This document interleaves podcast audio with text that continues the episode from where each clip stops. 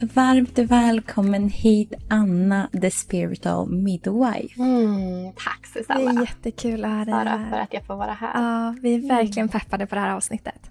Vad kul! Ja, för ni är båda så nära nu er egen födsel. Vad spännande. Ja. Och det känns ju som att vi har pratat med dig så mycket för du har ju varit med oss nu under flera veckor när vi har gått och lyssnat på din kurs. Så på ett sätt känner jag mig verkligen så nära dig. Mm. Och nu pratar vi svenska och det är lite mm. konstigt. Ja men verkligen, vi har ju hört dig på engelska nu så att det var så här, just det, det är samma röst med en annat språk. Mm. Och jag tänker innan vi ska djupdyka i det här ämnet som vi kommer gå in på idag, vi kommer ju behandla allting som handlar om förlossning, så skulle vi vilja ställa den frågan som vi ställer till alla våra gäster. Och eh, vi tror att alla är här för ett mission, att det finns någonting man älskar och brinner lite extra för. Vad skulle du säga är ditt mission? Mm.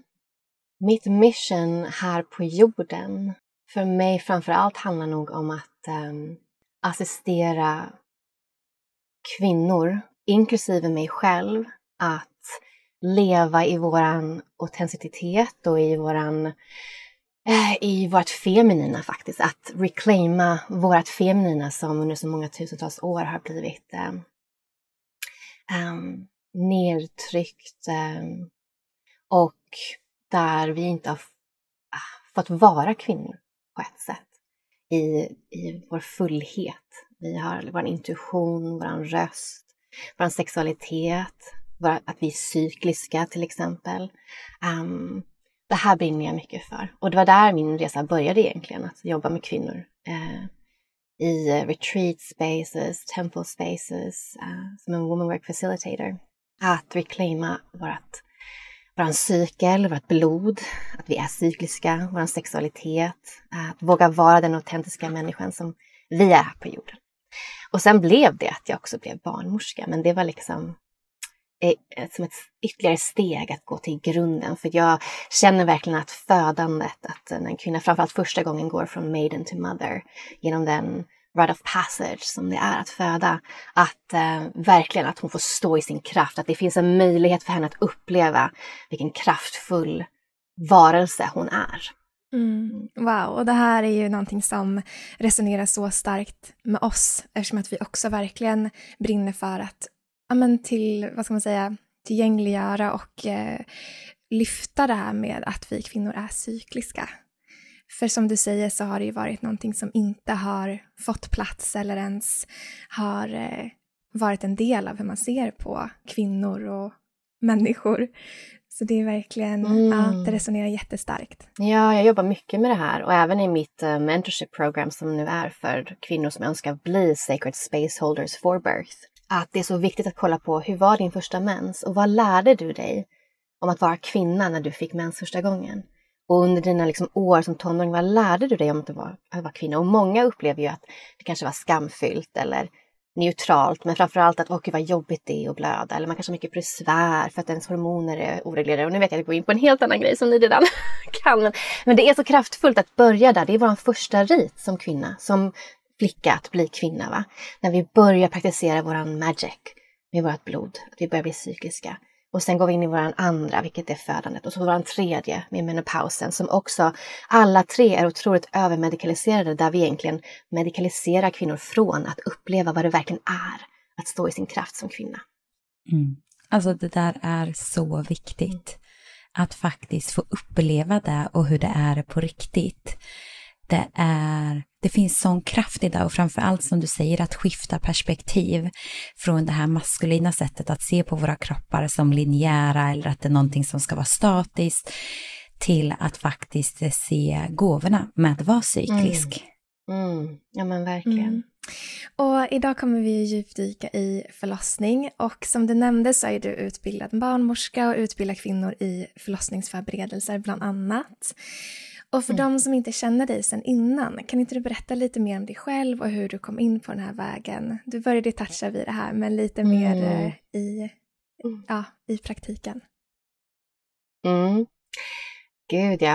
Uh, alltså min resa in i den, framförallt alternativa, mer naturliga eh, vägen startade egentligen redan som 14-åring när jag satt i kvinnocirklar med kvinnor mycket, mycket äldre än mig själv här i Stockholm. Och um, jag har gått en resa från att jag har studerat allt från naturmedicin och massage och olika healingmodeller och mänskliga rättigheter på högskola och um, blivit yogalärare, massageterapeut och gått vidare i att um, utbilda mig i uh, women work facilitator, um, sacred dance, women's tantra um, och sedan själv börjat utveckla mina egna kurser och grupper grupper och retreats och så vidare. Så där har jag varit, i den världen har jag varit och jobbat de senaste 15 åren. Framförallt utomlands, även i Sverige. Ehm, jag hade ett yogahus uppe i Dalarna ett tag. Jag har gjort många olika resor det här livet. Men eh, jag har framförallt blivit dragen till Australien. Och det var där jag hamnade 2015 när jag bestämde mig för att, alltså jag har varit där från och till i 15 år, men 2015 när jag kom tillbaka till Australien så bestämde jag mig för att bli barnmorska. Och då bodde jag i Byron Bay och det är där jag bott mest i Australien. Eh, vilket är en plats där kvinnor, 25 procent av kvinnor föder hemma. Och kanske 90 procent av de som inte föder hemma föder på ett birth center som är ah, helt naturligt då med fysiologisk eh, naturlig födsel. Behöver man någonting mer då får man åka till sjukhuset. Eh, och så kanske det är 5 procent som födde på sjukhus som hade då kanske ett behov av det medicinskt, att finnas på ett sjukhus just att föda för att de är högrisk. Va? Så jag hade ynnesten, vilket väldigt få barnmorskor har idag som utbildar sig, framförallt i Sverige men även i Australien och runt om i världen, att min utbildning, de tre åren jag gick och blev barnmorska, så såg jag otroligt mycket normalt, fysiologiskt. Jag lärde mig verkligen hur det såg ut. De flesta i mitt, på mitt universitet som var på Guldkusten, en helt annan typ av människa som föder där, eh, såg aldrig en naturlig födsel från, från start to finish. På tre år. Det är ganska vanligt dock idag att man inte ser det på sjukhus. Man ser inte fysiologiska födslar på sjukhus utan det blir oftast meddled with. Så jag har en ganska unik bakgrund att bli barnmorska på det här sättet där jag fick vandra med hemmabarnmorskor. Jag fick se enormt mycket naturliga fysiologiska födslar. Varav också varför jag är så passionerad om att prata om det här. För att jag också hade såklart, jag jobbade på sjukhus efter jag blev liksom barnmorska, jobbade jag på sjukhus och så vidare. Va? Men um, jag vet skillnaden och den är som natt och dag att ha en medikaliserad födsel versus en naturlig fysiologisk. Och jag är enormt passionerad att prata om det här för att det har blivit någonting som att vi inte pratar om det för vi vill inte shamea kvinnor om man tar en epidural eller om man har en medicinsk förlossning. Men jag känner så här, jag vill att kvinnor ska veta och göra ett informerat val vad de väljer bort när de väljer en epidural till exempel.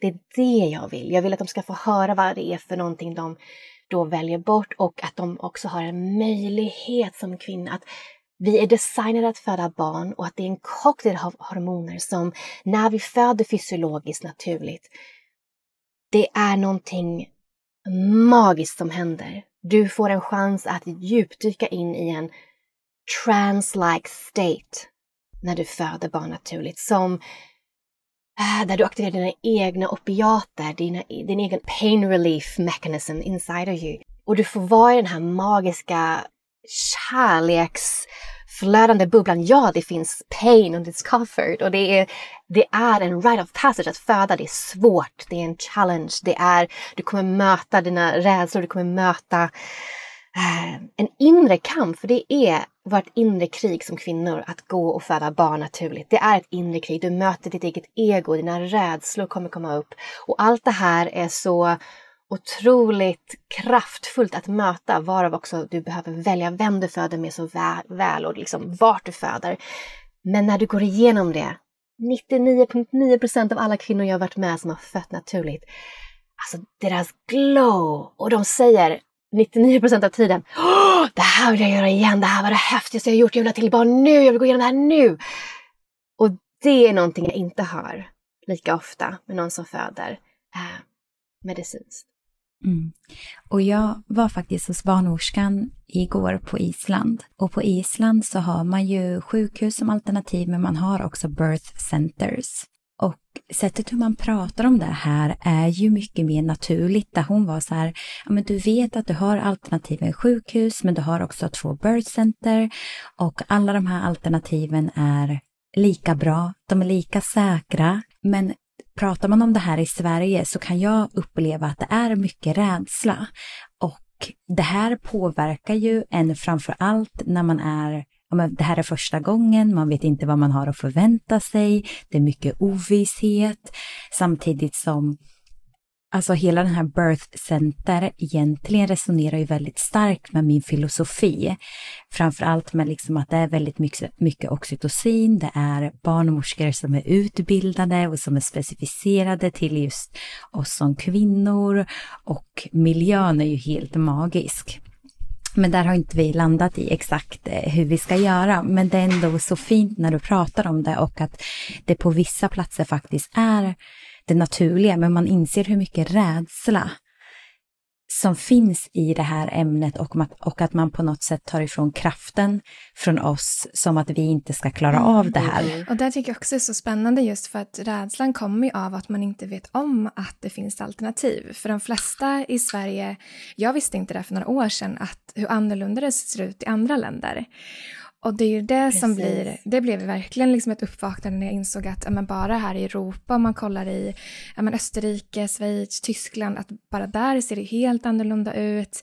I Storbritannien, Australien, USA, där är det som sagt en helt annan kultur kring de här delarna. Och när man förstår det så blir det inte så läskigt och alternativt när man pratar om det. Mm. Men i Sverige så finns det ju inte alls det här i samtalet för att de alternativen finns knappt heller. Så jag tycker det var mm. jätteintressant att bara höra de siffrorna du sa också kring eh, där du bodde, att det var faktiskt så stor andel som födde mm. på birth centers och hemma. Det är jätteintressant. Ja, och bara man trillar ner till Holland så har du ungefär samma grej, att du har ungefär 30 procent av kvinnor föder hemma och det är statligt subventionerat, så det är som liksom, samma sak som här i Sverige, att det är gratis att föda på både sjukhus och hemma.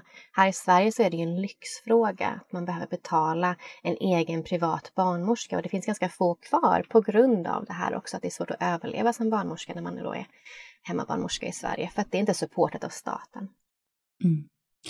Och du touchade lite vid det kring rädslor och det är någonting du pratar ganska mycket om som en liksom fundamental del i din kurs och att det är viktigt att bli medveten om det här. Kan inte du bara berätta hur ens rädslor skulle kunna ha en inverkan på en förlossning? Mm, absolut, så det här är A och O. Och först vill jag säga det att eh, att ha rädsla inför att föda barn är naturligt. Alla har det. Jag skulle bli väldigt förvånad om någon är helt totalt inte har rädslor eller oro inför föda, vare sig det är första, andra, tredje, femte barnet. Eh, rädslorna kanske förändras, men det finns, det finns alltid rädsla inför det okända och att föda barn kommer alltid vara okänt, vilket barn det än är i ordningen. Liksom. Så det är naturligt. Men det är det här när man, som man ofta gör i vår kultur, att man sticker huvudet i sanden. Kanske tänker att ja, det blir bra, jag går inte till sjukhus och de tar hand om mig och händer någonting så tar de hand om mig, jag behöver inte förbereda mig. Eller, eller att man inte vågar titta på sina rädslor. Vissa tänker kanske att om man är lite mer spirituellt lagd att jag vill inte tala mina rädslor för då kanske jag manifesterar dem. Och jag tycker att allt det där är inte en bra inställning, utan inställningen som är bäst är att man faktiskt vågar möta allt man kan vara rädd för. Man möter någon som jag till exempel, någon annan som kan coacha en igenom vad har du för rädslor, låt oss tala om dem um, och se vad är chansen att de här händer. Är det någonting som är ganska vanligt, uh, ja men då prata om det. Det här kommer kanske hända, till exempel att man kanske bajsar på, alltså i slutet av eh, när man krystar. Va? Oftast är det superlite. Eh, men ja, det kommer ut lite och vet du vad? Det är fantastiskt. Det är jättebra för det betyder att det kommer ge ditt barn en jättestark immunitet. Vi behöver när vi föds få både den vaginala floran men också lite från anus. Så det är superbra. Så det är en positiv grej. Och att vi som barnmorskor är jättevana vid det. Bla bla. Så här pratar jag om till exempel någon tar upp den här rädslan. Va? Vilket jättemånga kvinnor har. 99,9 procent tycker det är jättejobbigt att man ska göra det här. För att herregud, vi har lärt oss sen vi var barn att bajsa gör man i fred på toaletten, ingen ska se. Så det är klart att det här är inpräntat och någonting som kan vara, kännas oroligt. Men det är viktigt till exempel, även om det här är en liten rädsla, eller det kanske är en stor rädsla, men det är någonting som kanske inte har en stor medicinsk inverkan um, om det händer men om du håller igen för att du är rädd att du ska göra det här, då kan du förhindra att du föder. Så det här är en rädsla som är jätteviktig att prata om så att man inte har den här utan man kan släppa taget, och låta det komma. Hur det här kan påverka födseln, förutom det här till exempel den här typiska rädslan eh, där man kanske håller igen och får en längre kryssningsfas för att man inte vågar släppa taget, så kan rädslor verkligen påverka hormonerna, oxytocinet. Så i en fysiologisk födsel så bygger vi liksom oxytocinreceptorer, vi liksom eh, ju längre vi går i verkan, desto starkare och starkare blir de tills vi väl föder. Och om vi känner en stark rädsla eller oro eller stress då kan det här stängas av helt eller det kan sakta ner. Eh, och istället så går adrenalinet upp och det liksom counteract eh, oxytocinet. Så det här är varför det är så viktigt att vi kan hitta strategier där vi jobbar med våra rädslor, vi har andetaget, eh, vi har mentalt fokus, vi har personer runt omkring oss som kan reassure oss och säga det här är normalt, du gör ett fantastiskt jobb. Vi kan kanske få härlig massage av vår partner eller en barnmorska som står nära oss och viskar saker som gör att vi lugnar ner oss och vi kommer in i våran rytm igen. Och det här är så viktigt för att förloppet ska fortlöpa på bästa sätt. Mm. Ja, och där tycker jag också en sån viktig del har varit att börja kolla på de här rädslorna och förbereda sig innan. Alltså som att gå din kurs till exempel. Det gjorde ju att vissa rädslor alltså, togs upp i kursen. Eller man fick svar på vissa saker som man kanske haft i bakhuvudet men inte riktigt vet vem man ska fråga dem eller hur man ska hantera dem. Mm. Så förberedelse hjälper ju också och sen att ha stödet under tiden. Mm, verkligen. Det är A och O vem du väljer ska vara med dig på din födsel. Och det är en stor skillnad på till exempel att föda hemma och Bart Center och Hospital. Att um, jag skulle verkligen rekommendera om man inte föder hemma att man tar med sig någon som kan vara ens liksom, energimässiga men också eh, ens röst inne på Birth Center och på eh, sjukhus. Och hålla det här spacet som är bra för just att öka tryggheten i dig. Mm. Och det finns ju oftast en rädsla för förlossning som du nämnde, men också hur kroppen ska klara av det. Mm. Men jag älskar när du i din kurs beskriver om livmoderns tre olika lager och hur vi är skapta för att föda. För när jag lyssnar på det här så blev det det finns en inre visdom i kroppen. Mm. Och det är när vi hamnar så mycket i vårt mind och liksom allt det här yttre som vi kan utmana så mm. mycket. Mm. Eh, men kan inte du bara toucha lite kort på de här tre olika lagren och på vilket sätt ja, det påverkar oss mm. och ja, med hela den här delen. Jag tror den är så viktig att förmedla. Mm. Ja men verkligen. Ja, men först och främst vill jag bara säga det att du som kvinna är designad by nature att föda barn och ditt barn är designat att kunna föda fram sig själv. Ni jobbar tillsammans. Det är det som är så häftigt, det är en diet. Så det är inte bara upp till dig att förbereda dig på alla, liksom, kroppen, själen, hjärtat, mentalt. Ja, men också ditt barn gör sitt jobb där inne också, ni två. Så det är inte bara upp till dig heller, vill jag säga, utan det är ett samspel.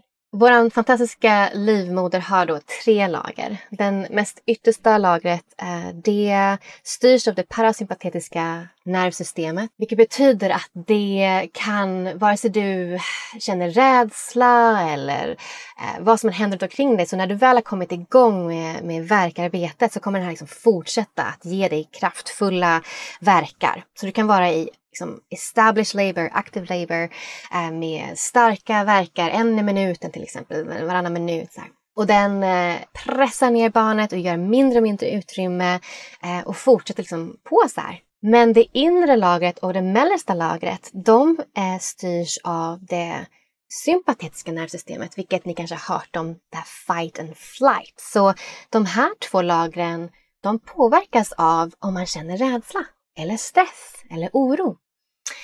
Det mellersta lagret det ger näring till livmodern, blodtillförsel.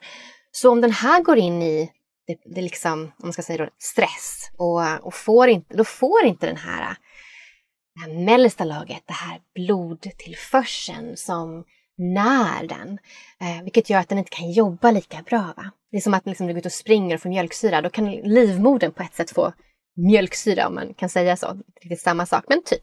Och det innersta lagret, det är den som kommer att öppna dig som gör att du blir öppen till vad man säger 10 cm, vilket är ish. Du kan vara 9 eller du kan vara 11 eller någonstans mittemellan. Liksom. Det, det där är bara ungefär. Va? Men det är den som öppnar och mjukar upp livmoderetappen, den mest innersta. Så igen, om du känner rädsla, då kanske det yttre lagret ger dig starka verkar. Om du till exempel har blivit igångsatt eller har fått en medicinsk födsel där du har dropp, då kommer det här oxytocinet som är syntetiskt fortsätta ge dig starka, starka verkar. Men det innersta lagret, det här inre lagret, det kan bara hålla sig starkt igen för att du känner dig inte trygg. Du är rädd. Du är stressad. Och då kan du stanna på till exempel säg 6 cm hur länge som helst och ingenting händer fast det yttre laget fortsätter, fortsätter, fortsätter kämpa. Så håller du igen. Och det är det här som alltså jag vill att alla förstår är att det är därför trygghet borde vara nummer ett på din lista. Och då menar inte jag från huvudet där du tänker att ah, men sjukhus är tryggast, där kan de rädda mig. Utan var känner din kropp sig mest trygg? Din kropp kanske tycker faktiskt att hemma eller ett birth center där det är lugnt, där det är en annan miljö, där det inte är massa bipande maskiner, där det inte springer in, ut och in främmande människor, att det faktiskt är tryggast. Och det är det här, det är det här jobbet vi måste göra innan vi väl är där. Vad är jag mest trygg? Vad kommer jag kunna föda i trygghet och i kärlek? För du ska egentligen föda på en plats där du skulle kunna tänka dig att du skulle kunna älska. Det är samma sak. va? Alltså att föda barn är sexuellt. Jag vet att det här är wow, vad är det här? Det är det. Det är sexuellt att föda barn. Hur du låter. Ibland vissa känslor. Vissa kvinnor har orgasm under, under kryssningsfasen. Det är, ditt barn kommer ut på det sättet som oftast har kommit in om man inte kanske har gjort IVF eller så. Men men det är, du behöver en miljö, precis som en katt som föder, i mörker, i ensamhet, där du känner dig trygg, älskad, omhändertagen, inte observerad, vilket är jättesvårt att uppnå om man är på sjukhus, för då är du väldigt observerad. Och ditt undermedvetna, ditt subconscious, känner det här. Så även om du tänker att jag är tryggast här, då kanske ditt, din kropp reagerar och ditt subconscious reagerar på att men du är inte trygg, du är, du är bevakad, det är någon som du inte känner som är inne där som vill känna med sina fingrar på ditt alldeles mest intima plats i kroppen, som vill poke and prod and disturb your physiology. Ah, nu blir det så engelska här, men det är för att jag har ibland svårt att översätta mig själv. Mm, det är helt okej. Mm. Men det där tycker jag också är så viktigt att förmedla att man har också möjlighet att påverka miljön på sjukhuset. Att man är så rädd mm. för att när jag är på sjukhuset då är det deras regler och de som bestämmer. Men man har ju faktiskt eh, makten att själv skapa en miljö man trivs i, skriva sitt förlossningsbrev om man vill ha färre barnmorskor eller så lite spring som möjligt eller att man inte vill att de ska kolla hur mycket man har öppnats och sådär. Att eh, det är mm -hmm. viktigt att komma ihåg att man faktiskt får bestämma mycket själv, egentligen allt själv.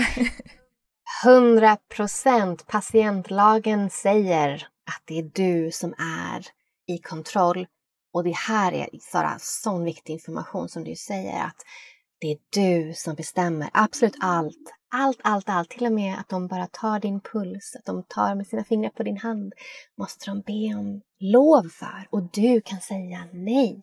Och att det är så viktigt också att innan, om man nu väljer att föda på sjukhus, att man förstår alla rutiner och procedurer. Och ni har fått i min kurs, min e-bok som eh, outlinar alla procedurer som är rutin på alla kvinnor, vare sig du är lågrisk eller högrisk. Är du högrisk är det mycket mer, men om du är lågrisk precis som ni två är så kommer det ändå vara så mycket som kommer erbjudas, in quotation marks, som du får ta till då, liksom säga, men det här vill jag och det här vill jag inte. Och det är så viktigt att eh, ta de här besluten innan man går in på sjukhus, för då ska du inte vara i din hjärna. Du ska vara i din livmoder, du ska vara i din kropp, in your primal birthing body. Och det är superviktigt. Och man kan ladda ner den här boken gratis på min hemsida, så det är bara att göra det om man lyssnar på det här och ska föda snart. Att man tar makten över sin förlossning. Mm. Och det känns också så skönt för både vi, Sara har gjort den här kursen och sen har ju vi haft med våra pojkvänner på en kurs också som är förlossningsförberedande och det jag kan känna mig trygg i nu är att han, han också har kunskap och medvetenhet kring de här olika delarna i en förlossning. Mm. Och framför allt att vi har pratat igenom rädslor, olika scenarion, men också på vilket sätt. Sen har man ingen aning om exakt hur man vill bli supportad. Men framför allt att det finns olika verktyg som han kan använda sig av, men också hur han kan vara ett filter vart man nu väljer att föda till personalen, att han är ju inspelad på vad är viktigt? Mm. Vad har vi pratat mm. om? Så att det är nästan inte som att jag kanske behöver prata, utan jag kan istället vara liksom i min zon och att han sköter snacket så att man verkligen kan stanna kvar i det här. Och det är också ett tips till de som lyssnar att så här, spela in din partner för att han har en så, eller hon, eh, eller stödperson har en så viktig roll i hela förlossningsförloppet för att känna trygghet och kunna slappna av. Ja, och här vill jag också, och det är liksom självklart helt upp till liksom den födande kvinnan vem hon vill ha i sitt rum. Men jag vill också att alla som lyssnar, det är en balans om det här. Jag, jag skulle inte rekommendera att man ger sin partner rollen som advocate. Mm. För att det är han eller hennes också första, kanske, eller liksom ofta um, i er situation i alla fall, gång att också det är en stor rit för honom eller henne att gå igenom det här också. Och det kan vara läskigt att stå och se någon man älskar i perceived pain. Um, och också att beroende på, framförallt när man går in på sjukhus, så vet man inte vem som blir ens barnmorska eller läkare eller vad det är för kultur. Och hur mycket han kommer då eller hon dras ifrån sin upplevelse att få vara med och det stöd han eller hon ger dig som är så viktig för att behöva medla eller så vidare. Och plus att han vet inte heller the ins and outs så djupt som till exempel en dola gör.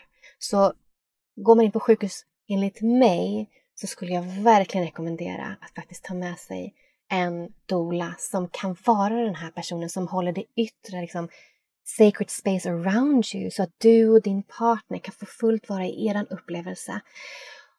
För om någonting till exempel presenteras som han då inte vet vad du vill och så ska han gå till dig eller så ska han ta beslut för dig. Eller, och oftast så kommer han, det här är min upplevelse efter så många år att ha assisterat liksom, familjer genom den här riten, att han känner sig lika överväldigad och lost kanske i det här systemet um, som du. Och att det är stort att ge han hela det ansvaret att hålla det också.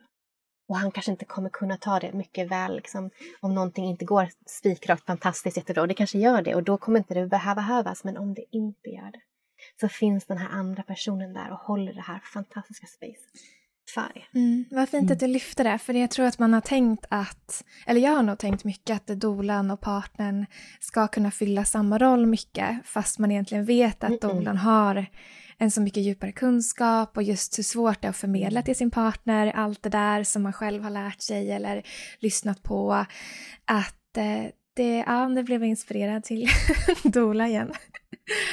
Ja, och det är samma sak som till exempel att han han har aldrig haft mens, så han kan ha sympati för kanske vad han tror att du går igenom varje månad, den cykliska varelse du är. Men han kommer aldrig ha en förkroppsligande upplevelse av det. Han kan vara ett fantastiskt stöd och det är maskulina om det nu är en man, men även liksom om man är kvinna och en partner, va? eller stödperson, så går du in i det maskulina hållandet som, som stödperson. Du går in i en öppet hjärta, hålla i närvaro. Det är din största roll. Och det behöver man som födande kvinna. Man behöver någon som kan väldigt lugnt och tryggt vara berget för en. För att du kommer vara i det vilda feminina i stormen. Och då behöver du någon som kan förankra dig. Um, så att nej, verkligen. Om du föder hemma en annan sak. För då har du i Sverige i alla fall valt en privat barnmorska som du har en enormt fin relation med som kommer upprätthålla fysiologin för dig. Då kan mannen eller partnern totalt vara där för dig i närvaro. Men på sjukhus, det är en helt annan situation. Mm. Och jag älskar att du säger det, för jag pratade med en kompis, Sanne, som valde att ha en dola. Och hon sa ju det att genom att använda det så kunde hon och hennes kille vara mer i spacet tillsammans. Mm. De kunde slappna av för de visste också att det var någon annan som visste vad de ville och hela den mm. delen. Mm. Så det, det är ett magiskt alternativ att använda sig av om man känner att det resonerar med en. Precis. Mm. Precis. Och att eh, jag jobbar ju här i Sverige nu som barnmorskedoula. Jag är australiensisk barnmorska så jag är inte registrerad i Sverige som barnmorska utan jobbar här med att supporta både hemma och på sjukhus för kvinnor som vill ha det här eh, fysiologiska spirituella födseln, eh, var hon än väljer att vara. Så nu har jag två klienter till exempel nu i augusti som ska föda, en hemma och en på sjukhus. Och framförallt på sjukhus kommer min roll vara den, att vara den som medlar mellan personal och par och att jag också finns där för honom. Så om han blir rädd kan jag tala honom tillbaka att det här är normalt. Kan, han kan titta på mig och vi kan se varandra. It's fine, she's doing fine. Så han kan vara det här lugna berget. Så att han blir så reassured genom hans process att se sin kvinna gå igenom den här starka portalen som det är. Det är inte lätt att föda barn, varken för den som bevittnar eller den som går igenom det. Mm. Nej men verkligen, för där känner man också att det är svårt att lägga det här ansvaret på sin partner när han vet mycket mindre om det här än vad jag gör eller vad någon som är kvinna gör. Att det, ja, det är inte lätt för dem att axla det heller. Så att som du säger, att det är verkligen ett stöd för båda. Att båda ska få en fin mm. upplevelse.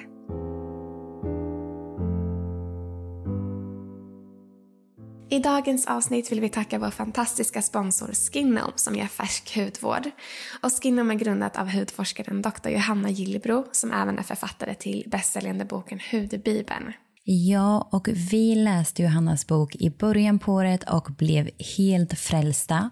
Och vi båda använde deras produkter där du Sara använder den för oljehud och jag använder den för en normal hy. Och vi älskar dem. Och vi kommer även testa deras nya produkt eh, som innehåller probiotika.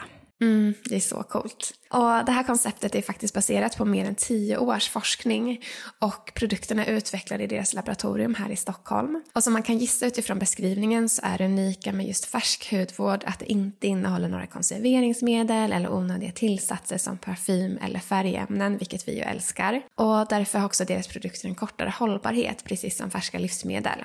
Och därför ska de också förvaras kylt. Och någonting som vi inspireras av med Skinom är att de har en minimalistisk filosofi, vilket innebär att man använder få produkter med korta ingredienslistor så att man inte överbehandlar huden i ansiktet, vilket annars är väldigt vanligt. Och för att göra sina produkter så naturliga som möjligt för huden så fokuserar Skinom på att använda hudegna ingredienser, det vill säga substanser som naturligt finns i vår hud. Mm, det är så, så bra. Och vi har ju fått äran att dela en rabattkod till er på alla Skinons produkter. Så om ni uppger koden WomenSync med stora bokstäver så får ni 20% rabatt på deras hemsida. Så för att läsa mer om deras produkter, gå in på skinom.se. Tack Skinom för ett fantastiskt samarbete. Tack. Vi tänkte ju gå igenom de olika stadierna inför under en förlossning och vad som är vanligt att uppleva och hur man vet när man är i de här olika stadierna. För det är någonting som jag i alla fall behövt lyssna på flera gånger för att verkligen förstå alla de här äh, delarna till att man faktiskt har fött klart sitt barn. Um, så innan vi går in i de olika faserna, vad är tecken på att man börjar närma sig förlossning? Mm. Ja, och det här är ju liksom, vi ska absolut gå igenom faserna eh, och jag ska svara på din fråga, men jag vill också liksom bara säga först att eh, vissa kvinnor går igenom alla de här faserna inom några timmar, även som förstagångsföderska. Och vissa kan ta flera veckor genom de här faserna. Och att det är så vilt olika. Precis som varenda kvinna är unik och även samma kvinna som föder flera gånger kommer ha precis jätteolika födslar. För varje barn, för det är också beroende på vilket barn som kommer igenom och vad det barnet ska lära henne om att vara mamma till det här barnet, vad det här barnet ska ha för birth imprint. Alltså det är så multilayered och jag vill bara liksom flika in det där för att nu när vi går in på det här så är det lite så här, men textbook, så här liksom är faserna, men varje kvinna är så unik och om man lyssnar på min podcast som är The Natural Birth Podcast där jag intervjuar kvinnor, har gjort det de senaste tre åren, som har haft naturliga fysiologiska födslar så kan man verkligen förstå hur extremt olika det är. Hur någon kan ha liksom en timma från start till finish och hur någon kan gå i två veckor. Och jag vill verkligen bara betona det här för att man inte ska ta på något sätt så här, ah, men det här kommer ta så här lång tid, eller så här, för att det finns ingen rim och reson. Om man föder naturligt, om man låter kroppen spontant göra det hon vill göra. För kroppen navigerar hur din livmoder är, hur barnet ligger, um, hur din mentala, vad din mentala liksom, status är, om du har mycket rädslor eller saker du behöver gå igenom. Ibland behöver en kvinna, framförallt första gången, första gången ofta så är det längre, en längre födsel. Inte alltid, som sagt, vissa har korta, bara några timmar. Men de flesta kommer gå kanske lite i förarbete någon dag, kanske innan man väl kommer in i eh, förlossningsstadiet, där man liksom verkligen är igång och nu, kommer liksom, nu är det ingen återvändo och nu kommer barnet komma någon gång det närmsta dygnet kanske. Eller två ibland. Eller längre. Um, men det är verkligen så unikt vilka vi är och hur vi navigerar vår process. Och för vissa kvinnor som förstagångsföderskor kan behöva möta inre rädslor, gråta, släppa taget, behöva möta inre kontrollbehov och släppa taget, möta igen en rädsla och släppa taget. Och att det är en inre ceremoni, en process man går igenom. Och den är så läkande, den är så transformerande. Det är en rit. Det är en övergångsrit, den är stor. I alla fall, nu ska jag svara på din fråga. Så lite tecken på att den kan vara på gång kan vara att man känner sig väldigt trött. Men det kan också vara precis tvärtom, att man känner sig pigg och alert och att liksom man börjar med det här nesting behavior, att man ska hålla på och fixa ordning, liksom kläder för barnet eller börja liksom vara husmor på något sätt. Liksom. Det är något så väldigt primalt som kommer över vissa kvinnor. Man kan, eh, det här som man kallar för slemproppen kan släppa, men den kan också släppa flera gånger. Det är liksom att livmodertappen börjar öppna sig lite och göra sig förberedd, men den kan liksom växa tillbaka och kan släppa igen. Men det kan vara ett tecken på att det är någonting på gång. Man blir väldigt rik, liksom ens vagina blir väldigt rik på eh, juiciness eh, de veckorna som kommer närmare eh, födseln och det är för att det ska liksom verkligen hjälpa att, för barnet att glida igenom men också för att det ska ge barnet ett bra immunförsvar. Sen så kan vi komma in på saker till exempel som faktiskt tyder lite mer på att någonting börjar kuckelura ganska snart. Och det är att kanske man får diarré eller mensvärk eller att man spyr. Att man liksom börjar... Ah, det är saker som börjar hända i kroppen. Ja, det är några av de saker som kan tyda på det. Och det kan också vara så att det bara är pang på en stark verk och sen har man verkat tills man föder barn. Så att, och det kan vara att, man, att vattnet går och sen så sätter inte någonting igång utan man kan gå flera dagar efter vattnet går innan man väl börjar komma igång. Och sen kan det vara att vattnet går, boom, och så föder man barn inom några timmar. Så att, ah, det är så, liksom, jag vill verkligen att folk förstår att vi pratar om ett mysterium här, varje kvinna som föder barn. Även om det medicinska läget vill försöka förklara allting och mäta allting, vilket de verkligen vill göra, så kan man inte mäta det vilda feminina. Utan hon har sin egen plan och ditt barn har en plan. Och du behöver gå in i det fulla feminina, vilket är att stänga ner logiken, tankar, kontroll, analyserande, gå in i din kropp, in i pleasure, in i water, yin, flow, rest, in, in i din parasympatetiska nervsystem, in i varandet, framför allt veckorna innan du liksom har ditt due date. Jag skulle säga från vecka liksom 34, sluta jobbet. Börja bara gå på massage och liksom njut, ät gott, vila, var i din bubble. Det är det absolut bästa du kan göra för att förbereda dig. Det är så fint att du säger det, för det känns verkligen som att, för mig i alla fall, så har graviditeten det är som att den har pushat mig hela tiden i riktningen till det feminina. Att men jag har en längtan efter att sakta ner, men också att få in delar som återhämtning, njutning, vara och att man och förmodligen är ju det här en förberedelse inför vad som ska komma. Så det är viktigt att förmedla det och hur viktigt det här kan vara. Eh, att faktiskt ge sig själv det man behöver. Mm. Och att skifta från det här görandet och maskulina och hela den delen. Och det är i det feminina du kan föda barn. Om du fastnar i det maskulina, i din neocortex, i din jag vill kontrollera, jag vill analysera, jag vill liksom prata, jag vill vara utåtriktad, då kommer du också få en svårare process att föda barn. Kanske längre, kanske mer smärtsam, kanske behöver medicinsk intervention för att, för att din kropp inte flödar i det feminina öppningsskedet. Tänk dig igen, jag vill gå tillbaka till det, tänk att du ska älska med någon. För att få de här djupare orgasmerna eller för att verkligen känna den här innerliga kärleken till någon då behöver du mjukna in i det feminina, du behöver öppna, du behöver surrender, open, receive. Det är samma i att föda barn. Så du behöver gå in i, hur skulle du gå in i din sensuella kropp när du föder, precis som du gör när du ska älska. Mm. Mm. Och när förlossningen då väl kommer igång, då kommer man in i det första som kallas latensfasen. Vad innebär mm. egentligen den? I den här fasen så um, det är lite igen så som your nesting phase. Du börjar få verkar men de är oregelbundna, de kanske inte är så starka i början.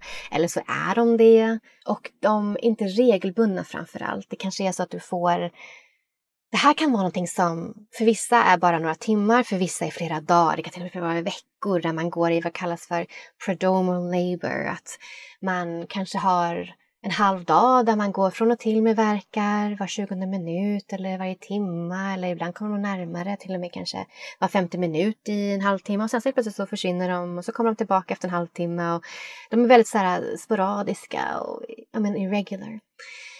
Um, den här tiden, om den eventuellt är lång, så alltså, vila så mycket du kan. Gör det du skulle göra den dagen. Försök inte fokusera så mycket på vad som händer. Så länge du inte är liksom överbemannad av kraftfulla verkar där du behöver stanna och andas och så vidare. Va? Så försök. Och när jag säger ignorera betyder jag inte så att du ska spänna emot eller liksom köra på i det maskulina utan mjukna in i det feminina, gå in i liksom pleasure zone, bada, duscha, dansa, gå en promenad i skogen, vara i naturen, påta i trädgården, baka en kaka, se på en rolig film. Liksom bara var, gör det du skulle göra den dagen. Om det är kväll, om det är natt, ligg i sängen, slappna av, gör yoga nidra. Bara var, bara andas, försök att vila. Som sagt, den här perioden kan vara kort eller lång.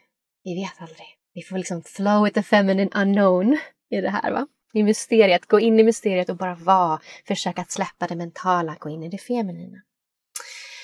Men sen så finns det liksom att man kanske kommer in i en mer aktiv, vad som då kallas latensfasen, där man kanske har dem mer närmare. Det kan vara liksom var femte minut ett tag, var tjugonde minut, varje halvtimme, var femtonde minut, var tionde minut, var tredje, var tredje, var sjuttonde, var trettonde och så vidare. Va? Det är fortfarande igen vad som kallas latensfasen. Du har inte kommit till det här regelbundna, var tredje minut, varannan minut, som, där man verkligen kallar vad som är aktiv fas. Och den här kan också hålla på ganska länge. Och sen så kan det vara så att den också tar en paus. så att du kan liksom, när du är i det här tidiga stadiet, eh, det viktigaste som du behöver göra, som jag sa det här, the nesting phase, det är att du måste finna en plats där du är trygg. Där du kan liksom, ofta så behöver man organisera, om man har andra barn behöver man organisera, ta liksom, låt mormor och morfar ta hand om dem eller om du ska åka in på sjukhus så kan det vara så att du kommer aldrig komma in i det regelbundna, aktiva förrän du hamnar där för att du känner dig inte trygg hemma med tanke på att jag måste åka med bilen, det kanske är en lång väg att åka. Då stressar du inför det inuti dig själv vilket gör att du aldrig hamnar i regelbundenhet för att du behöver landa där du är trygg och där du kan boa. Tvärtom, om du är hemma till exempel och föder, ja, men då boar du hemma och kan verkligen gå in i vad som kallas för liminalitet, den här liksom när du går in i en annan hjärnfrekvens där du är i den här djupa birthing bubble. Men du kan inte komma dit förrän du är trygg och allt är ordnat. Du kan stänga av hjärnan helt. Så att latensfasen kan hålla på hur länge som helst eller hur kort som helst. Och det är den här tiden du verkligen någonstans behöver boa och få liksom komma i trygghet för att sen kunna djupdyka in i vad det verkligen handlar om när man kommer in i den aktiva fasen. Och mer specifikt, hur vet man om man ska föda på sjukhus eller birth center, hur vet man att man ska åka in? Ja, det här är ju också det som är så otroligt unikt för varje kvinna. Så för, jag skulle liksom, för flesta kvinnor kanske jag skulle säga stanna hemma så länge du, eller alla kvinnor, stanna hemma så länge du känner dig trygg hemma. Men sen har vi de här få kvinnorna, inte få alltid, men en del då, som um, behöver boa på plats för att hamna i sin liksom, riktigt aktiva fas. Va? Och då ska hon inte stanna hemma, utan då ska hon åka in. Så det här är, sån, det här är liksom ett övervägande som måste ske unikt, individuellt för varje kvinna. Varför också det igen kan vara så bra att ha någon som är en sorts, ja, men en dola som har vetskap som man kan bolla med som man kan prata med eller som kan komma över hemma och kan vara med en och kan coacha en genom de här faserna. Eh, som kanske har ett annat öga för vart du är och så vidare. Eh, så att man inte själv behöver ta de här besluten eller ens partner som också så här, hur ska han veta liksom, vart du är? För att det kommer ge uttryck så olika.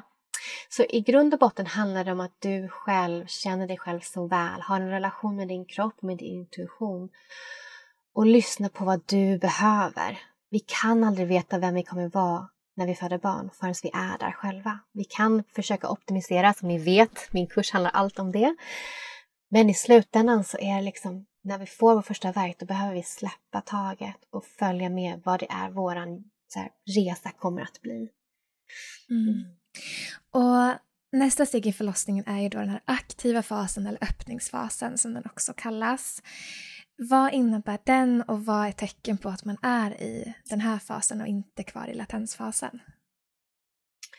Den här fasen framför allt eh, brukar se ut som att hon har regelbundna verkar, ungefär runt en tre verkar i tio minuter som kanske håller i sig runt en minut och är ganska kraftfulla. De, när hon har dem så kan hon inte prata.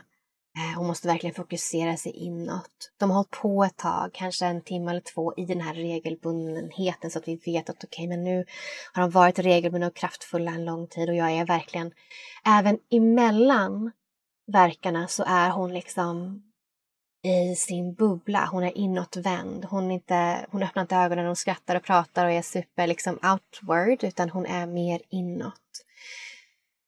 Då är hon i den här fasen.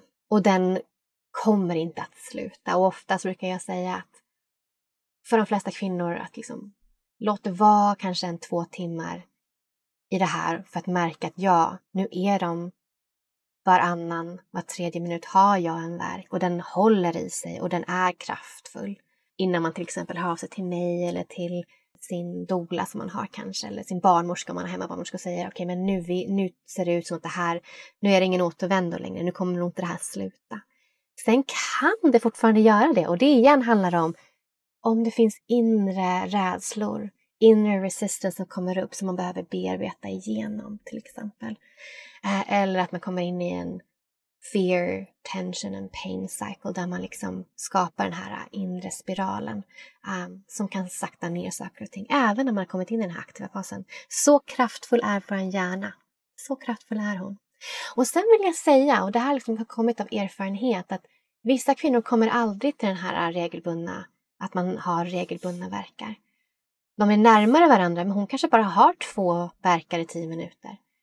Ibland kanske till och med går tio minuter mellan en verk, fast hon är i aktiv fas. Och det är för att hon kanske är både hur hennes bebis ligger, men också hon kanske är en högkänslig kvinna som är så receptiv för det som händer runt omkring henne att hon blir så påverkad. Eller så är bara är det så att hon ska ha den här väldigt så här, gentle birth experience där det går väldigt sakta. Vi måste våga lyssna på oss själva som kvinnor och följa vår inre intuition och veta vem är vi i liksom förloppet och vad behöver vi i den här stunden? Behöver jag vara på sjukhus och ha liksom reassurance från barnmorskan som säger det här är rätt för dig? Sen så är det tyvärr så här, kommer du in på sjukhus och du är en av de här få kvinnorna som inte har den här regelbundna typiska förlossningen, vilket igen också är ganska vanligt att vi inte har en typisk förlossning, för det, är inget typiskt med att föda barn. Så kan det vara också så att sjukhuset patologiserar det och säger att nu behöver vi ge dig dropp eller nu behöver vi få det här till att hända. Och då vill jag, vill jag säga, precis som Sara sa i början, att du äger din födsel, din kropp, din upplevelse. Och jag säger alltid till mina klienter att så länge du känner dig trygg, så länge du känner att du och din bebis mår bra och du vill fortsätta så finns det ingen tidsbegränsning på din födsel. Och det här vill jag att alla ska höra. För det är inget farligt med att fortsätta att liksom föda barn en längre tid. Det handlar om din upplevelse. Det handlar om att har du kraft? Vill du fortsätta? Vill du att din kropp ska få göra det här på sitt sätt? På ett fysiologiskt sätt. Så länge du och barnet mår bra, då finns det ingen tidspress. Finns det tecken på att du eller ditt barn inte mår bra, ja men då kan vi diskutera intervention. Men gör inte det, då ska inte du gå efter någon kurva eller att någon kollar din dilatation, din, din livmodertapp och säger mm, nu på fyra timmar har du inte öppnat dig mer än en centimeter, nu ska vi ge dig lite dropp. Nej, och jag vill att folk har det här. För så fort vi introducerar medicin så kommer det påverka din förlossning på ett sätt att du kommer inte uppleva det här trans-like state som din egen cocktail av hormoner kan ge dig. Du kommer inte uppleva den spirituella delen. Den kraftfulla oxytocin på, liksom på följden. Det kan påverka hur du bondar med ditt barn på det djupaste sättet. Det kan påverka din amning. Det här är viktigt att veta när vi väljer medicinsk intervention. Vad är det vi offrar när vi gör det? Sen finns det tid och punkt för att man behöver medicinsk intervention, verkligen, och det vill jag absolut understryka. Men om du har en bara atypical, naturlig förlossningsprocess där ni båda mår bra, du och barnet, låt den vara. Lita på din kropp och tacka nej till att de ska hålla på och medla med det. Mm. Så viktigt att lyfta. Och någonting som du pratar om väldigt mycket i din kurs kopplat till just det här stadiet är att andning är nyckeln. På vilket sätt är andningen viktigt och hur kan man använda sig av det för att ta sig igenom den här intensiva delen? Andning är A och O för att andningen kan hjälpa dig att föra dig tillbaka till ditt parasympatetiska nervsystem. Det här rest and digest, det här jag är lugn, jag är trygg. Du kan liksom på ett sätt lura, om man ska säga ett sånt ord, ehm, din hjärna, din kropp, dina hormoner, att du är trygg genom andetaget. Även fast du kanske känner en våg av rädsla, då andas du ner djupt i din livmoder till barnet. Du tänker att, för det gör du också, när du andas djupt så ger du också syre till din barn, du ger syre till din livmoder vilket gör att hon jobbar bättre. Så att det är liksom multi-layer, du hjälper din kropp, du hjälper ditt barn och du hjälper dig själv med andetaget. Och grejen är att har du inte övat på djupa långa andetag till exempel eller yogic breath, det här med att andas ljudligt genom näsan långt och djupt. Om du inte har tränat på det i din graviditet eller innan, har en relation med mindfulness och med ditt andetag, då kommer inte det här kunna vara ett verktyg du har under din födsel. För det är ingenting som man lätt kan ta åt sig. Tänk så här att du ska ut och springa ett maraton du skulle inte göra det otränad. Du behöver träna, du behöver skapa pathways in your brain där du kan lätt ta till dig de här verktygen. Och det låter enkelt, men alla kan väl andas? Men nej! Du behöver öva på det här långa djupa andetaget och den här connection med, din, med ditt andetag. Men ja, det är enormt kraftfullt. Så viktigt. För det hjälper också dig att hålla ett mentalt fokus, att lyssna på ditt andetag, att räkna kanske ditt andetag om det hjälper. Hur lång tid måste jag räkna för att nå toppen på verken och hur långt måste jag räkna för att komma ner? Det finns olika sätt man kan jobba med andetaget. Men det bästa jag vet, det är att man ljudligt andas genom näsan eller munnen med ljud, för det slår ut tanken. Ljud är kraftfullt att använda som verktyg med andetag i födet, födandet. Mm. Och efter den här aktiva fasen så kommer ju utdrivningsfasen eller krystfasen. Och här kan man ju uppleva exempelvis eh, ah, många olika symptom på att man är i den fasen. Men vad, vad skulle du säga är det som signalerar att nu är vi i den fasen? Ah, det här är egentligen, nu har vi skippat en del som jag verkligen vet att vi pratar om för att de flesta kanske inte vet att det här kommer komma men innan du kommer hit så kommer du komma till något som kallas för transition, i alla fall på engelska. Och det är en tid någonstans, olika för varje kvinna hur länge man är här. Man kan vara här några minuter, någon timma, flera timmar.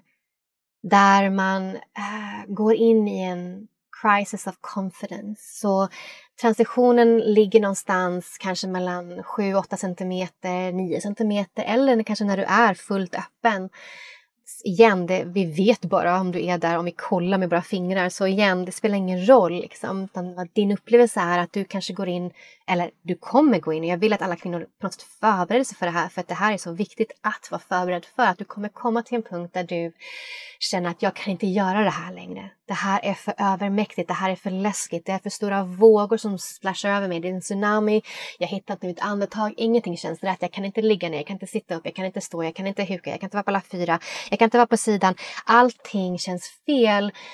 Jag kan inte göra det här, någonting är fel, jag vill gå härifrån. Man kommer in i en crisis of confidence. Det är läskigt att föda barn. Du kommer vara fullt öppen mellan dimensionerna heaven and the earth. Du är portalen, du kommer känna det. Det här är stort, det här är kraftfullt, det här är läskigt. Det här är tiden där andetaget, men också dina supportpersoner, vare sig det är din partner eller en dola eller din mamma eller vem det än är som är där, behöver vara en stark ankare för dig. Som upprepar när du kanske säger att du inte kan göra det här, du gör det här, det här är normalt. All is fine, you're doing it som viskar de rätta mantran för dig som du behöver höra. Att du inre, liksom, i dig själv har inre mantran som du kan ta dig igenom att okej, okay, det här är transition, jag kan göra det här, jag kommer klara det här, det här är läskigt, det är okej, okay, jag får gråta, jag får skrika, jag får ljuda, jag får svära, jag får vara vild, jag får uttrycka allt jag känner för det här är viktigt att vi uttrycker det. Och det här är oftast där en kvinna ber om en epidural. Okej, okay, så det här är viktigt att komma ihåg att är din önskan att inte göra det, är det inte din förlossningsplan att du vill ha en epidural, så har, var medveten att du kommer komma till en punkt där du antagligen kommer vilja be om det eller någon hjälp. Du kommer öppna dina ögon och vilja att någon annan ska rädda dig. Det är här du behöver någon som säger till dig Vänd dig inåt, du har styrkan inom dig, du kan gå igenom det här. Som stärker dig i din naturliga process som håller dig när du kanske behöver gråta. Att du behöver släppa ut tårarna, liksom låta vattnet rinna från ögonen, från vagina, från om du behöver spy. Det här är en tid där du får kanske en stark adrenalinrush, för det är det som kommer närmare när vi ska krysta, att vi får den här kraften, den här överjordiska kraften, det kommer från adrenalinet när vi behöver adrenalinet. Det här är en tid som vi behöver det när vi ska krysta. Va? Men det kan göra att vi skakar, att vi känner oss alldeles shaky, rastlös. Vi får den här inre liksom, panikkänslan som man kan känna när man får stark adrenalin. När man blir, tänk att när man blir riktigt stressad eller skrämd, man har adrenalinet i kroppen så att man skakar. Det kan vara läskigt att uppleva, men det här är en del av transitionen. Du kanske spyr, du kanske får diarré. Saker och ting liksom skiftar inom dig. Innan det är dags för utdrivningsfasen när du faktiskt ska börja krysta. Och grejen är att det här kan också se annorlunda ut. Så du kan vara i transitionen och du kan gå direkt in i att få starka nedåtgående liksom, tryck ner som känns helt annorlunda än de andra verkarna du har haft. Eller du kan få någonting som kallas för rest and digest eller typ be grateful, rest and be grateful stage, vilket är en paus, en naturlig paus där allt stannar av och du bara får så sova i typ fem minuter eller en kvart eller en halvtimme. Beroende på vad din kropp behöver. Vad den säger åt liksom dig att du behöver vila nu. Och så får du den här pausen som igen är så viktig att du känner till men också att om inte barnmorskan eller läkaren runt omkring dig känner till den här eller, eller tycker att det här är ett normalt sätt för ditt, din förlossning att fortlöpa. Att du vet att det här är okej och säger jag litar på att min kropp vet precis vad den behöver just nu. Den behöver vila, låt mig vila. Och så får du bara gå in i djup trans. Och sen helt plötsligt när du gör det så kommer världens största verk neråt. Boom! Och så börjar du kryssningsfasen.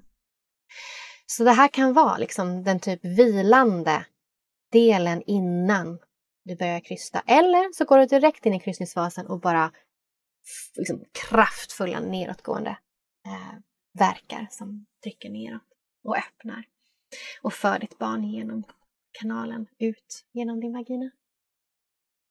Mm. Jag tyckte det var så mäktigt när jag lyssnade på just den här transitioning-fasen. Och då kom jag hem till Oliver och sa det, jag bara, kom ihåg det här, det här är så viktigt. För att när man är i den så kommer man inte komma ihåg någonting annat. Ingenting som man tänker eller logiskt eller det här är viktigt för mig kommer att komma fram eller komma igenom då så att faktiskt bli påmind eh, genom de verktygen du säger är så himla viktigt. För jag tror att när vi har medvetenhet om det, för att jag tror att det är så lätt att bli rädd och fastna i att okej, okay, är det så här det kommer vara för alltid? Kommer det här aldrig ta slut? Men när man har den medvetenheten så kan man också navigera och veta om att okej, okay, det här kommer att gå över. Det här är en fas och den tar mig närmare.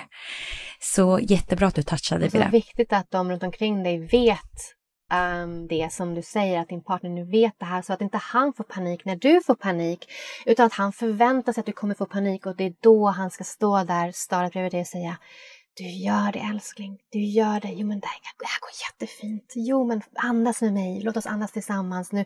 Eller att han ljudar med dig. Jag ljudar ofta med kvinnor och liksom gör låga utdrivande ljud eller vad det nu är för fas hon är i för att liksom hon ska känna sig bekväm att också ljuda. För det är så starkt för oss kvinnor. Ofta har vi en blockering i vårt eh, halschakra där vi inte vågar ljuda. Um, ehm, och det är så viktigt när vi föder att vi vågar vara vilda och ljuda och roar your baby out. Mm. Jättebra påminnelser. Och nu har man egentligen då fått träffa sin bebis för första gången. Och eh, någonting som också är så ganska nytt när man börjar komma i kontakt med förlossning och hur det går till, det är ju att ingen pratar om moderkakan. Så när den kommer upp på mm. tal så blir man så här, men just det, och vad, när och hur sker det här? Hur går det här till? Vill du bara berätta kort processen kring moderkakan? Mm. Så när du har fött ditt barn och om du har gjort det naturligt så du inte har tagit någon syntetisk oxytocin, för det här är skillnad. Så om du har fött fysiologiskt så kommer din bebis upp på dig, du är skin to skin, hud mot hud. Ni får ha Förhoppningsvis finns det en kultur runt omkring er där ni får bara vara i en tyst bubbla och att bara se varandra, känna varandra, möta varandras blick, vara i er liksom enchanted stage. Och har du fött ditt barn naturligt så ska du föda din placenta eller din moderkaka naturligt. Och Det här är jätteviktigt för att ofta så fortfarande på sjukhus om du föder naturligt ditt barn så vill de ändå ge dig en syntetisk spruta av oxytocin i ditt ben om inte du har sagt att du inte vill det. För tanken är att det skulle förhindra blödning, men vad det faktiskt visar, evidensen visar, är att om du har fött naturligt ditt barn, om du då får syntetisk oxytocin, då ökar du risken för blödning. Så det här är viktigt att man vet om man nu väljer att föda naturligt. Har du fött med dropp, då är det tvärtom. Då har du redan skapat interventioner som gör större risk för blödning och då behöver du också dropp efteråt för att förhindra det till exempel. Då. Men föder du naturligt ditt barn, då säger jag föd din moderkaka naturligt. Och det kan ta allt från bara några minuter, att den svursar ut också. Eller att det tar kanske upp till en timme. Eller till och med mer. Det kan också vara helt okej. Okay. Allt beror på om du blöder eller inte, mer än vad vi skulle vilja se som barnmorskor att liksom du är symptomatisk på något sätt och behöver då hjälp att få ut moderkakan snabbare. Men är det inte så, vilket oftast inte händer om om fysiologin har upprätthållit. Det är därför det är så viktigt att veta om fysiologin och hur dina hormoner fungerar. För att om du har haft en naturlig fysiologisk process, du har varit i trygghet, i kärlek med ditt barn när den föds, då kommer dina hormoner eh, se till att du inte blöder. Dina hormoner skyddar dig. Du får en sån enorm, ett sånt påslag av oxytocin när du föder barn i den här kryssningsfasen att du bara skickas ut i universum i kärleksbomb och får liksom här, den största upplevelsen av orgasm du har haft i ditt liv när det kommer till oxytocinnivån i din kropp. Du känner sån enorm kärlek, expansion och det här skyddar dig mot blödning. Och det också gör att din livmoder drar ihop sig och föder fram din moderkaka utan att du ens behöver tänka. Så du kan bara gosa med ditt barn, vara kvar där du är, se på varandra, låt barnet liksom self-attach till bröstet när den känner sig mogen för det. Ingen, ingen liksom press och stress för barnet, den får liksom ta sig in, för det är en stor process att komma från leva inne i magen till att komma ut till livet på jorden. Så att låta barnet få ta sin tid att transition. Och det är så viktigt här att veta om att när man gör det här, när man gör en fysiologisk naturlig födsel av placentan eller moderkakan, då ger man barnet sin fulla blodvolym. För om de klipper navelsträngen innan det har skett, innan den här placentan har tömt allt blod tillbaka in i barnet, då berövar man barnet en tredjedel av barnets blodvolym. Vilket också försvårar att öppna lungorna, vilket försvårar transitionen för barnet att komma in i jordelivet. Tänk själv om en tredjedel av ditt blod inte kommer in i dig. Tänk om du förlorar det, du skulle inte stå upp. Mm. Och alltså, jag skulle kunna prata om det här hur länge som helst och framför allt när vi också gått igenom din mm. kurs. Eh, och det finns så mycket som vi skulle vilja toucha vid, men där är det verkligen en rekommendation till er som lyssnar att vill ni djupdyka mer i alla de här delarna när det kommer till förberedelse och hela liksom graviditeten, förlossning, tiden efteråt så är tips att lyssna på kursen för att där går det ju verkligen så djupt på det. Men jag tänker ändå för att avrunda det här samtalet, om du fick föra med dig men, en sak till de som lyssnar, vad, vad skulle det vara? Um, ingen annan kan föda ditt barn, bara du. Och det är du som måste göra den enorma förberedelse som det är att gå från maiden till mother första gången.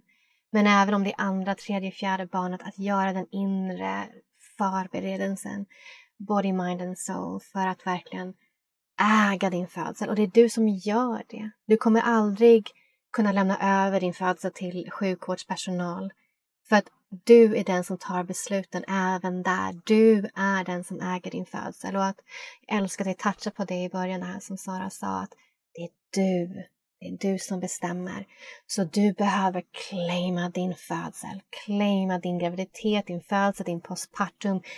Lär dig, om du ska föda på sjukhus, om deras rutiner. Ladda ner min e-bok som är gratis och lär dig, förbered dig Välj aktivt hur du vill att din födsel ska vara och förbered dig. Gå inte in och tänk att jag ska liksom, det blir som det blir och jag tror på min kropp. Det räcker inte. En av tre kvinnor har förlossningstrauma i våran vård idag. Du behöver förbereda dig. Det är inte att de kommer rädda dig från det, utan mycket kan det vara faktiskt att de skapar den om du inte själv har gjort aktiva val. Det är jätte, jätteviktigt, så det vill jag lämna med.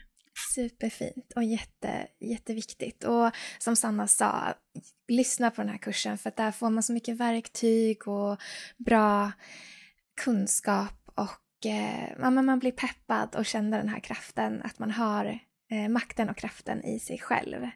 Så mm.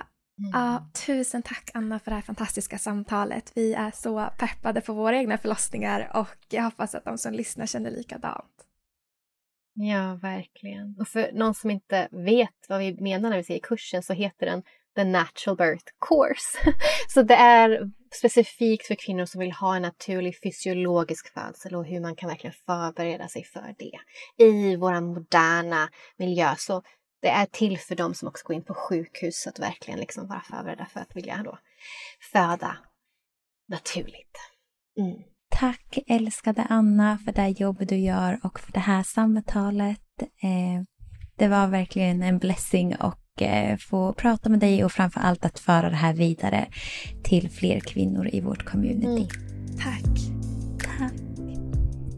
Vi vill bara passa på att lyfta Chica Roast som är en så uppskattad produkt både för egen del och av er kvinnor i communityn. Chica Roast är gjord på roten cikoria som rostats till ett pulver som du enkelt blandar med hett vatten till en fyllig värmande dryck. Och det bästa av allt är att den är koffeinfri och fri från tillsatser och är ekologiskt producerad i Europa. Ja, och vi älskar ju Chica Roast. Den är så god. Den påminner om kaffe i smaken men inslag av choklad och lite sötma. Och för oss har Chica Roast verkligen varit en game changer för att kunna minska på vårt koffeinintag. Och det här är verkligen det bästa substitutet till kaffe som vi någonsin har testat. Verkligen. Och personligen sen jag minskat på koffein och började dricka Chica Roast så har min IBS blivit bättre då den till stor del var väldigt stressrelaterad. Och jag sover också bättre och har minskat min oro och ångest. Så ja, en game changer helt enkelt. Om du vill testa Chica Roast så hittar du den på vår hemsida www.womensync.se.